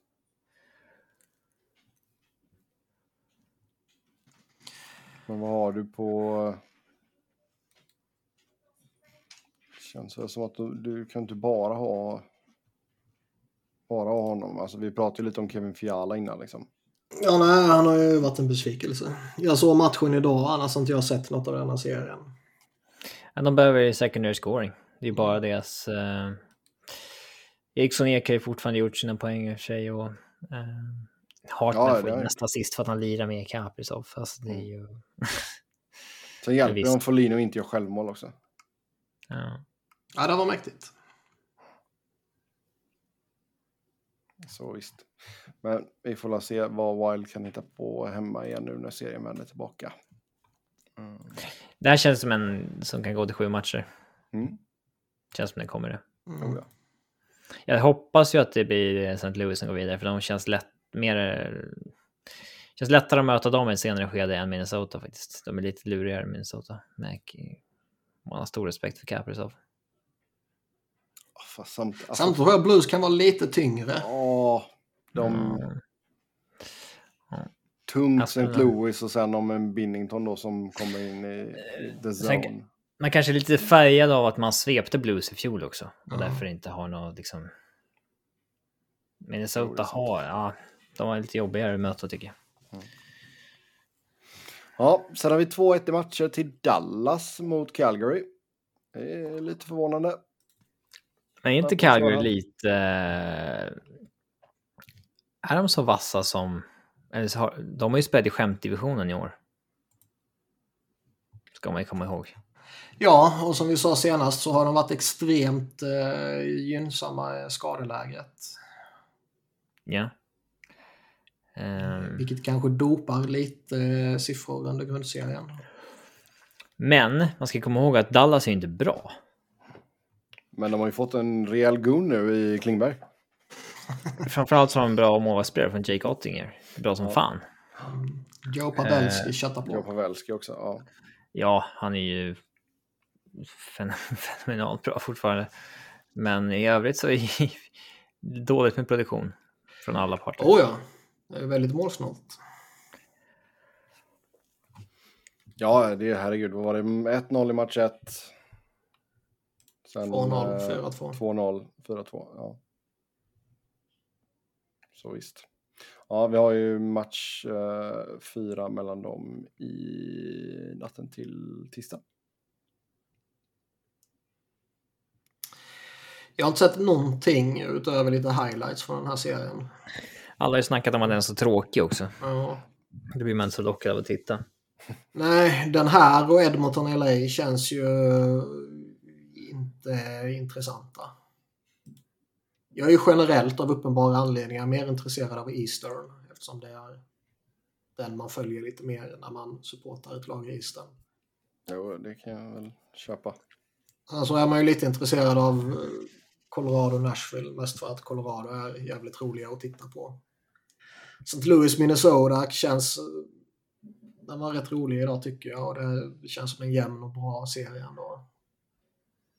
Men Flame Stars känns inte intressant egentligen Nej. tycker jag. Mm. På tal om ojämn serie så eh, Edmonton-LA. Edmonton leder med 2-1 i matcher efter att ha suppat banan med Kings eh, i match 2 och 3. LA lyckades ju sno match 1. ehm, till, ja, med hjälp av Mike Smith. Ehm, Mm.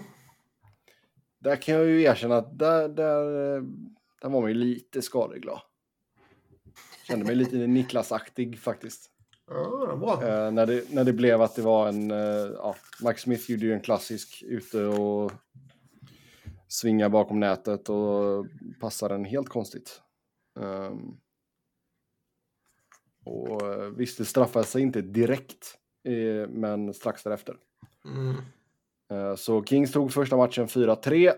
Ehm, och det, man ska vara glad över att man, man vann den matchen. Alltså, det är livsfarligt. Varenda gång Conor McDavid har pucken i egen zon så man bara...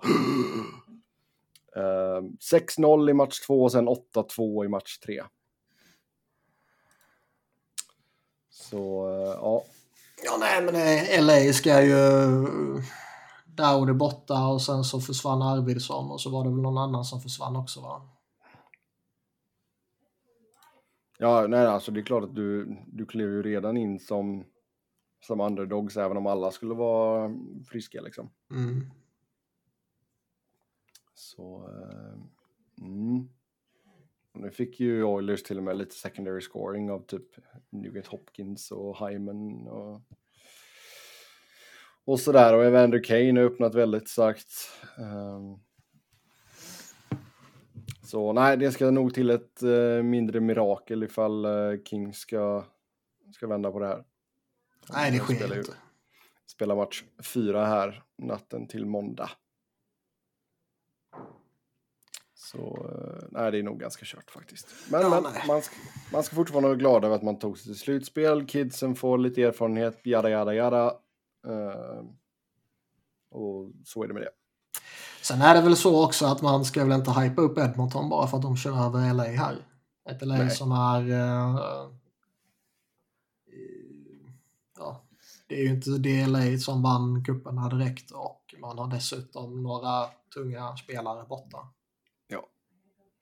Ja. Men, Nej, är verkligen inte. Alltså... På, det vore väl skoj om Oilers hypas upp något fruktansvärt för att man slår ut LA med typ 5-1 eller 4-1 alltså, matcher. Det är klart att de kan göra det, speciellt ifall liksom Säg att du har typ Dreisaitl och McDavid på minst 12 poäng var efter den här serien. Liksom. Ja. Man hypar upp dem och sen får de möta ett riktigt lag och då kraschar de igen. Det vore rätt skoj. Mm. Ja, vi eh, tar och går in på lyssnarfrågorna. Som sagt, stort tack till er som har skrivit in. Uh, först ut här då, de vi inte redan har tagit upp. Vem av Rangers 100 kaptener ska lyfta bucklan om de skulle gå och vinna? Singlar de slant? Ska alla lyfta samtidigt?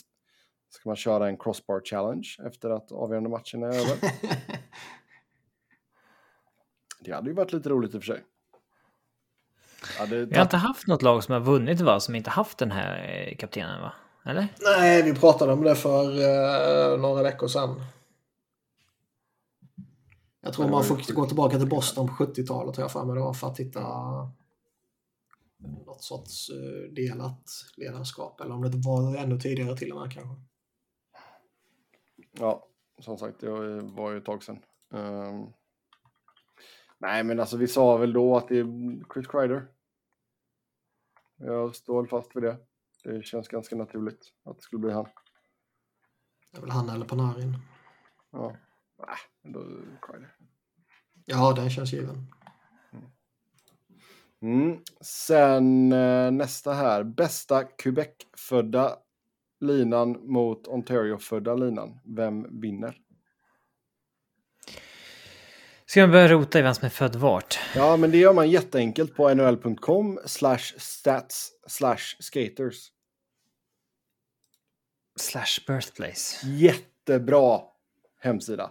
Eh, så trycker, trycker du på uh, more filters och sen så tar du... Vad var det jag skulle filtrera på uh, igår? Som, det finns liksom inte. Ja, det är skottprocent på lagen. Mm. Det är mm. helt sjukt. Mm. Ja.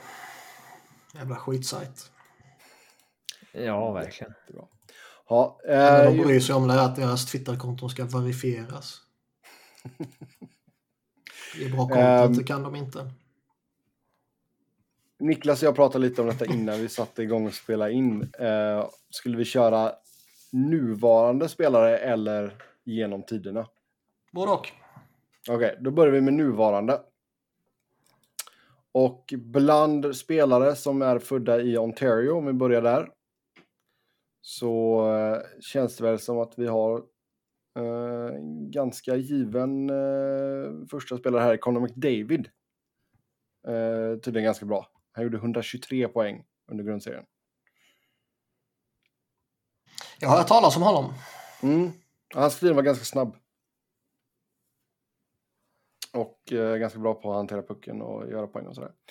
Eh, sen om vi bara tittar rent uh, poängmässigt så har vi bakom McDavid så har vi Steven Stamkos. Och sen har vi Mitchell Marnier. Mitch Marner. Eh, andra spelare som kanske är med i leken. Nazim Kadri. Matt Duchene. Hur mycket gillar vi Jordan Carew? Claude Giroux. Succé- succé Michael Bunting. Nej, det är, alltså, det är väl svårt att säga något annat än topp tre där. Mm, McDavid, man, om man Stamkos, bara går Marner. på eh, liksom, nuvarande... Mm. Ja, men det känns som en bra forwardsuppsättning de tre. Uh, ska vi ta ut två backar och en målvakt också? Eller ska vi skita i målvakt? Skit i målvakt. Mm. Nu tar vi ut två backar också då.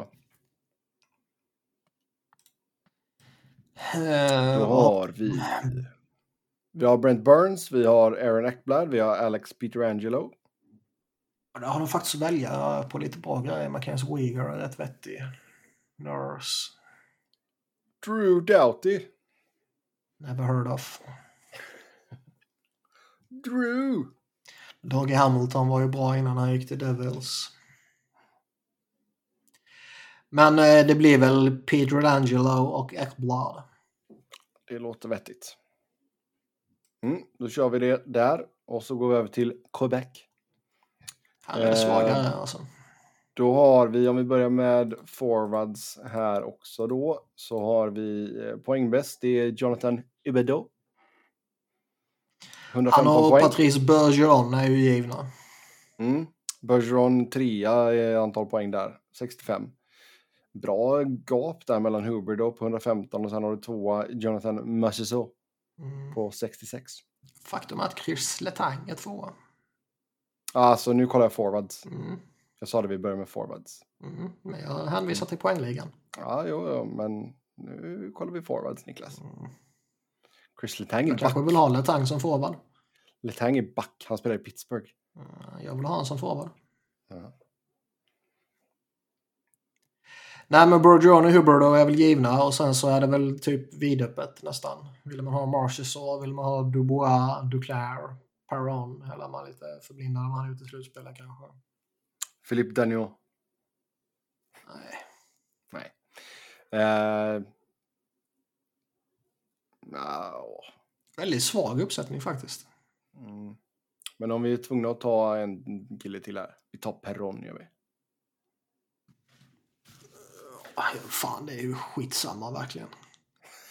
Perron, Duclair, Dubois eller Marchessault, vad de har gjort Ja. den här säsongen är ju försumbart. Ja men det är bra. Då kör vi, då kör vi Perron. Bara för good vibes helt enkelt. Um... Backa då. Chris Letang poäng bäst. Sen har vi Thomas Chabot. Det känns väl som att eh, de två eller en Sam Gerard kanske. Nej, Letang kör bort. Då har vi Letang Chabot där då. Och ja. Jag hade ju nog satsat en slant på Ontario Oh, ja. faktiskt. Uh, kör vi igenom alla tider så börjar vi med forwards i eh, Ontario. Uh, ska vi bara få upp det igen. Underbar hemsida. Underbar hemsida. Där har vi den. Eh, Vad skulle du leta efter nu sa du? nu är det igenom alla tider. Samma provinces? Japp. Och så börjar vi med forwards i Ontario. Då har vi en herre vid name, vid name, vid namn Wayne Gretzky som är poängbäst.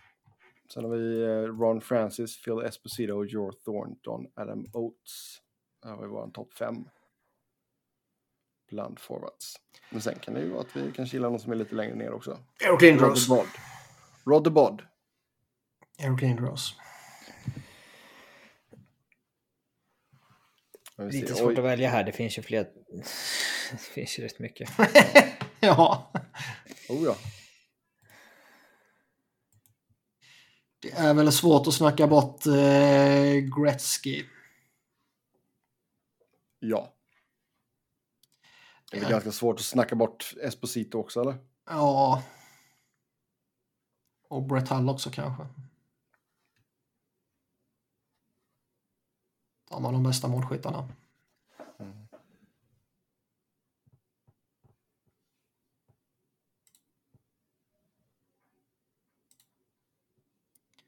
Vad man än väljer så eh, är det ju någon som anmärkningsvärd som faller bort. McDavid är ju här också till exempel. Gretzky, Gretzky Esposito och McDavid. Ja, Eric Lindros som vi sa. Vi Mm. har uh, New Zealand med den näst bästa poängsnittet. Gretzky 1,92, New Zealand 1,69. Shep Meyer har det tredje bästa, 1,50. Lite för få matcher bara. Två matcher. Ja. Nej, men alltså av de som har spelat över 400 matcher så har ju McDavid det näst bästa poängsnittet. Ehm, Det är, man får väl kanske slänga in honom. mm. Gretzky, McDavid, Esposito. Mm. Kör vi där då. Och sen så ska vi ha uh, backar. Uh, Bobby Orr. Ja. Det är svårt att argumentera emot honom. Och vem vill vi ha sen? Paul Coffey. Larry Murphy, Dennis Potvin.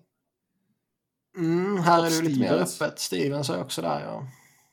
Pronger. Ja, jag kommer ju säga Pronger såklart. Ja, Robin, vem ska vi säga då för att kuppa? Eh,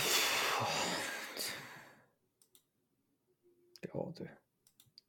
Ska vi säga Paul Coffey? Ja, visst. Ja, då kör vi Paul Coffey. Helt enkelt. Ja, då går vi över till eh, Quebec. Ehm, och där har vi eh, Marcel Dion som är poängbäst genom tiderna. Sen har vi även en viss herre vid namn Mario Lemieux. Sen har vi Luke Robitaille, Guy Lafleur, Dennis Savard, Pierre Turgeron, Så det Guy Lafleur. Guy Lafleur. Guy. Ngi. Gy, inte Guy. Det är ju sån här Ngi. smör. Va? Gy. Det är väl sån här, vad heter det? Skiktat smör typ. Men här börjar det bli väldigt intressant för här eh, blickar man neråt lite så har vi liksom Mike Bossy, vi har Maurice Richard. Lemieux är ju sj- självskriven såklart. Ja. Tufft att inte inkludera Mike Bossy som är kanske topp tre genom tiden när det kommer till målskytte. Vi kör, ja. Sen är det liksom Guy Lafleur eller Guy Lafleur. Jean Guy. Bellevue, Rocket Richard, Lucky Luke. never heard of. Marcel Martin Dion. Louis kanske. Henri Richard. Ja, det, det, är, för- det är svårt att sitta och låtsas veta vem som, vem som är mest värdig av liksom Henri Richard eller Jean Bellevue. Jag har ju suttit och låtsas veta saker i tio år, för fan. Ja,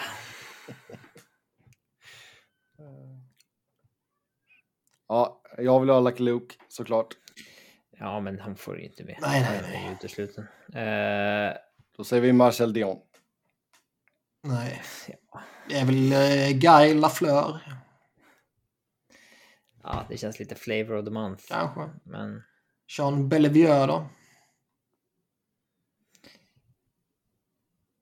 med eh, Lemieux, eller vad, hur många platser har vi satt? Mike Bossy får man ju ta med. Bossy och Bossy, Lemieux. Lemieux och ja, ja, I don't care. Nej. Bellevue. Ja. Och sen backar. Ray Bork känns ju ganska självskriven här. Ja, sen är det faktiskt rätt skralt bakom. Nu kommer ju Mm. Niklas börja tjata om Eric Desjardins, Rico. Trams. Ja. Ja. Nej, men alltså du har ju Ray Bork. Han gjorde ju 1579 poäng i grundserien. Uh, sen går vi ner till 752 poäng på Steve Duchene. Man har ju en Guy Lapointe. ja, frågan är om det inte är Letang på riktigt. Ja, det kan det nog vara faktiskt. Pierre Pilot. Nej. Dog Harvey. Letang kör vi. Dog Harvey är ju stort namn i historien. Ja, men inte större än Chris Letang.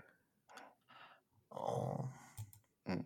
Norris Äh. Okay, vi, vi, kan inte ha med en kille född på 20-talet och liksom sitta och hävda att han ska... Vi har ingen aning. Det är några fina namn när man kollar igenom poängsnittet här. Mark André Bergeron är topp 20 liksom.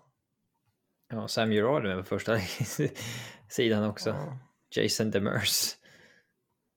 Jim Morrison. Inte han sångare? kanske blandar ihop honom med någon.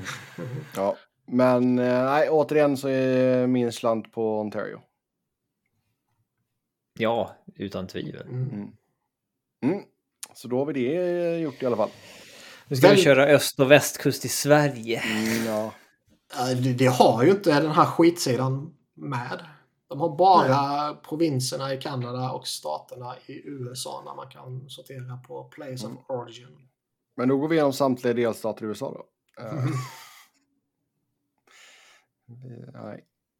Vi eh, går vidare. Vi har fått en uh, lyssnarfråga här om Dallas Stars. Dallas Stars dödgrävarhockey vill knappt att de ska vinna som Dallas-supporter. Bonus spelar antihockey. Hur skulle ni ställa er till detta som supporter? Nej, jag har nog inget problem med att spela tråkig hockey så. Jag, jag går igång på att liksom ett lag är bra. Att de är bra på den modellen de har valt. Sen om det är liksom klassisk Devils Trap eller om det är eh, offensiv eh, häftig Chicago hockey under deras Dynasty. Mm. Eller om det är heavy LA Kings hockey som de var framgångsrika med. Alltså det, eh, det spelar inte så stor roll. Bara man är bäst, nej, men, du är genuint bra på den vägen du har valt så, mm. så är jag nog nöjd skulle jag säga. Man kan vara i flyer situation också. Liksom. så länge man är bra på det man gör så var nöjd skulle jag säga. Dallas är ju inte så bra dock. Nej. Nej, och du, då gör det väl det hela lite mer frustrerande som supporter kanske. Ja. Jag har inte sett dem riktigt tillräckligt mycket för att ha någon sån åsikt i, i den här frågan faktiskt. Ja, men alltså det har man väl sett ganska eller, länge och det, länge. Han, det, har inte varit, han har inte varit där aslänge bonus. Men jag menar liksom. Man har väl ändå sett tendenser till det även när de gick, när de gick långt liksom. Ja, jag har ju inte liksom, jag, jag tycker ju inte det är Islanders dödgrävarhockey, det jag har sett i alla fall. Nej, men det känns som att Islanders är väl lite på en egen nivå där. Ja, men det är så jävla spelförstörande och antihockey som de håller på med. Det, Men som sagt, alltså är man framgångsrika så ja, då får man väl köpa det helt enkelt. Men eh, frågan är ju då om Dallas är tillräckligt bra på det de gör. Och där säger Robin nej. Nej, de är inte fenomenala på det. Så de har väl egentligen inte spelarna för den typen av hockey. De skulle nog kunna skaka liv i Sagan, Ben och gänget igen lite med en annan typ skulle jag nog tro. Mm. Kanske. Ben mm. känns ju jäkligt passé alltså. Han tror jag ändå kan ha lite så här uh, Dustin Brown revival. Uh, men uh, Tyler Sagan känns ju lite han känns inte så seriös. Han hade ju massvis av grejer som hade gått sönder också efter förra slutspelet. Mm. Ja. Mm. Yes, uh, ska vi se. Eller förra säsongen, jag kommer inte ihåg. Ja. Var det hemma hos honom? TVn gick sönder. Allt var trasigt. Han hade väl i och för sig en kåk som fast, uh, hamnade i nära tornado typ. Har ni eh, sett hans typ eh, Cribs på YouTube. Liksom. Nej. De kör någon så här, eh, i princip MTV Cribs hemma hos honom i Dallas. Av någon anledning så ligger Michael Del Sotto utan tröja och solar på baksidan. Jag trodde inte de var polare, men Den sa du var jag. än alla. ja, Tyler Sagan House Tour. Han intervjuas av någon barstol-brud och alltså, inte för att vara taskig, men det kän- hela, hela liksom videoklippet känns väldigt eh, inledningen på någon YouPorn-video. Liksom, att det, här kom, det här kommer liksom... Eh, eh, ja. Mm. Jag menar, Tyler Sagan försöker få reportern att ta en shot liksom. Och hon sa nej, jag vågar inte shotta det här. Eh, Så, det här eh, vi, vi tar den efter. Och Sagan är så här, efter? Liksom, efter vad då? Liksom. Ja, och så typ har han, han har en sån här lost and found-låda i sin garderob. Där ligger liksom en bh och lite så här. Ja, Mm. han bara, nej det där har nog inte jag. Typ jag träffar inga tjejer med små bröst, typ, säger han.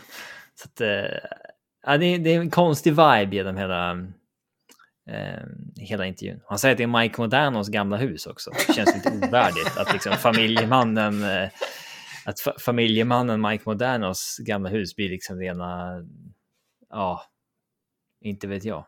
Mm. Känns det som det har varit en del orgies i det. Sen Tyler tog över så att säga. Ja. Eh, ja, det finns väl ingen bra segway från det här. Men... Eh, Jo, jag bara jobbar in den nu. Vi kan skicka ut eh, klippet på poddkontot. Sebbe kan retweeta också från sitt eh, verified Twitterkonto med... Eh, ja. ja, sista frågan för idag. Eh, jag ställer samma fråga som förra året. Jag är stort Pens-fan och inför förra årets slutspel efterfrågade jag en trade för en målvakt. Det hände ingenting och Tristan Jarry var urusel. Detta år efterfrågade jag samma sak, för det kommer aldrig vinna en kupp med dessa målvakter. Är jag totalt inkompetent eller ser ni storheten i Jerry, DeSmith och Doming? Och en extra fråga. Alla de senaste vinnarna av kuppen har haft en grym målvakt. När var, det senaste ett, när var senaste gången ett lag vann kuppen utan att ha en grym målvakt? eh, pff, ja, Binnington är väl inte så grym. Alltså han var väl bra då i och för sig. Ja, Holtby var väl inte, är väl inte så grym. Alltså, de måste ju ha ett bra slutspel, men de... Mm. Eh, eh, annars så vinner man inte. Men eh, fram tills dess så var det väl ingen som... Eh, Jag tycker väl man har sett så rätt många exempel på... eh, mediokra vinner, ja. Ja, eh, eller kanske mediokra är väl kanske lite hårt. Men liksom Ja, men så här, bra nu är ju- målvakter som vinner. Liksom. Och sen råkar de ha ett litet bättre än bra slutspel. De senaste två har ju Vasilevski vunnit, så det är ju... Ja, nej, det räknas ju inte. Ja. Jo. Men innan dess, Binnington som kom från ingenstans. Jo, men han hade ju ett monsterslutspel. Så jag menar, i slutspelet var han ju bra. Ja, där krävs ju att du är bra. Men det kan ju liksom Jari vara också. Det var Men inte inte, unheard of. alltså, alltså, det lata svaret har väl inte så varit typ Antiniemi. Ja, Washington vann ju med Holtby som hade varit dålig ett tag. Eh, Pittsburgh vann två år innan dess med Matt Murray som eh, då kom från ingenstans och sen har visat sig vara dålig. Mm. Även om han var bra då. Jag menar, Quick Crawford. Två var- och innan dess, ja. Sen är vi tillbaks på eh, Tim Thomas och Antoniemi liksom. Men nej, jag skulle nog inte säga att det finns någon trend av att det liksom alltid är typ en topp fem målvakt i ligan som vinner. Nej, ty tydligaste argumentet mot det är ju Carey Price och Henke Lundqvist. Alla framgångsrika eh, cupsegrar. Ja, eh, och sen om jag var Pittsburgh. Eh, vad för målvakt skulle man tradat för menar man? Flurry. Det finns inte så många målvakter tillgängliga. Time Flurry. Ja, men han är inte så jävla bra heller. Men visst, han är ett jäkla rykte i ligan och, och så vidare. Men så här, Louis Doming, du, du, han är ju en klassisk trea. Det är svårt att be om en bättre trea än honom. Ja, ja. Eh, Tristan Jarry har gjort en bra säsong, Casey Smith har också gjort en bra säsong. Jag... Man får ju titta på vad de har levererat för resultat och där har de väl levererat det helt enkelt. Eh, jag tycker inte att det är... Eh... Men har ens Flurry levererat bättre resultat de senaste tre åren än Jarry? Tror inte det? Nej, jag tycker Jerry är uh, ett fullgott Det finns inte så många alternativ. målvakter tillgängliga heller. Alltså vem skulle det vara om det inte var Flurry? Nej, Martin Jones typ. Han var tillgänglig. Oh. Nej tack. Ja, exakt. Ja, då får jag gå efter Lene nu då. Ja. Ja, men någon som är liksom lite, alltså en lite mer above average i alla fall kanske. Ja, ja. Eller räcker, Visst. tror du att det räcker med att man har en liksom me riktig mellanmjölksmålvakt? Alla målvakter är likadana förutom de typ tre som är bra. Det... Mm. Där hör ni Robins hat mot målvakter fortsätter. Men det Ja, ska men jag, jag tycker inte det är några problem att, att, att liksom ha, ha honom och gå in med honom i ett slutspel. Sen är det ju... Alltså...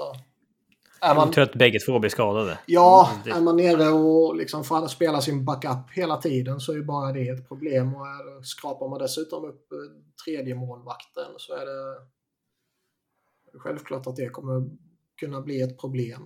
Eh, Kanske man tar sig förbi Rangers ändå. Men då är det ju mer lite eh, kanske Rangers som ska hängas för det. Om man inte kan vinna en matchserie där man har Storken mot Louis Domingue så då har man misslyckats. Ja, nej, nej, det är ju ett underbetyg om inte han kan vinna den målvaktsmatchen. Men sen är det ju spelarna framför honom som måste göra jobbet också. Ja. Eh, Med det så tar vi och rundar av för idag. Som vanligt kan ni köta hockey med oss på Twitter. Uh, mig hittar ni på @sebnoren, verifierad. Eh, Niklas hittar ni på att Niklas Wiberg, Niklas med C, Wiberg med enkel V, Robin på Jag kommer R aldrig bli så skitnödig så jag verifierar mig heller. R underscore Fredriksson för Robin, podden på SV Fans NHL. Podd, podd med ett D. Tills nästa gång, ha det gött. Hej!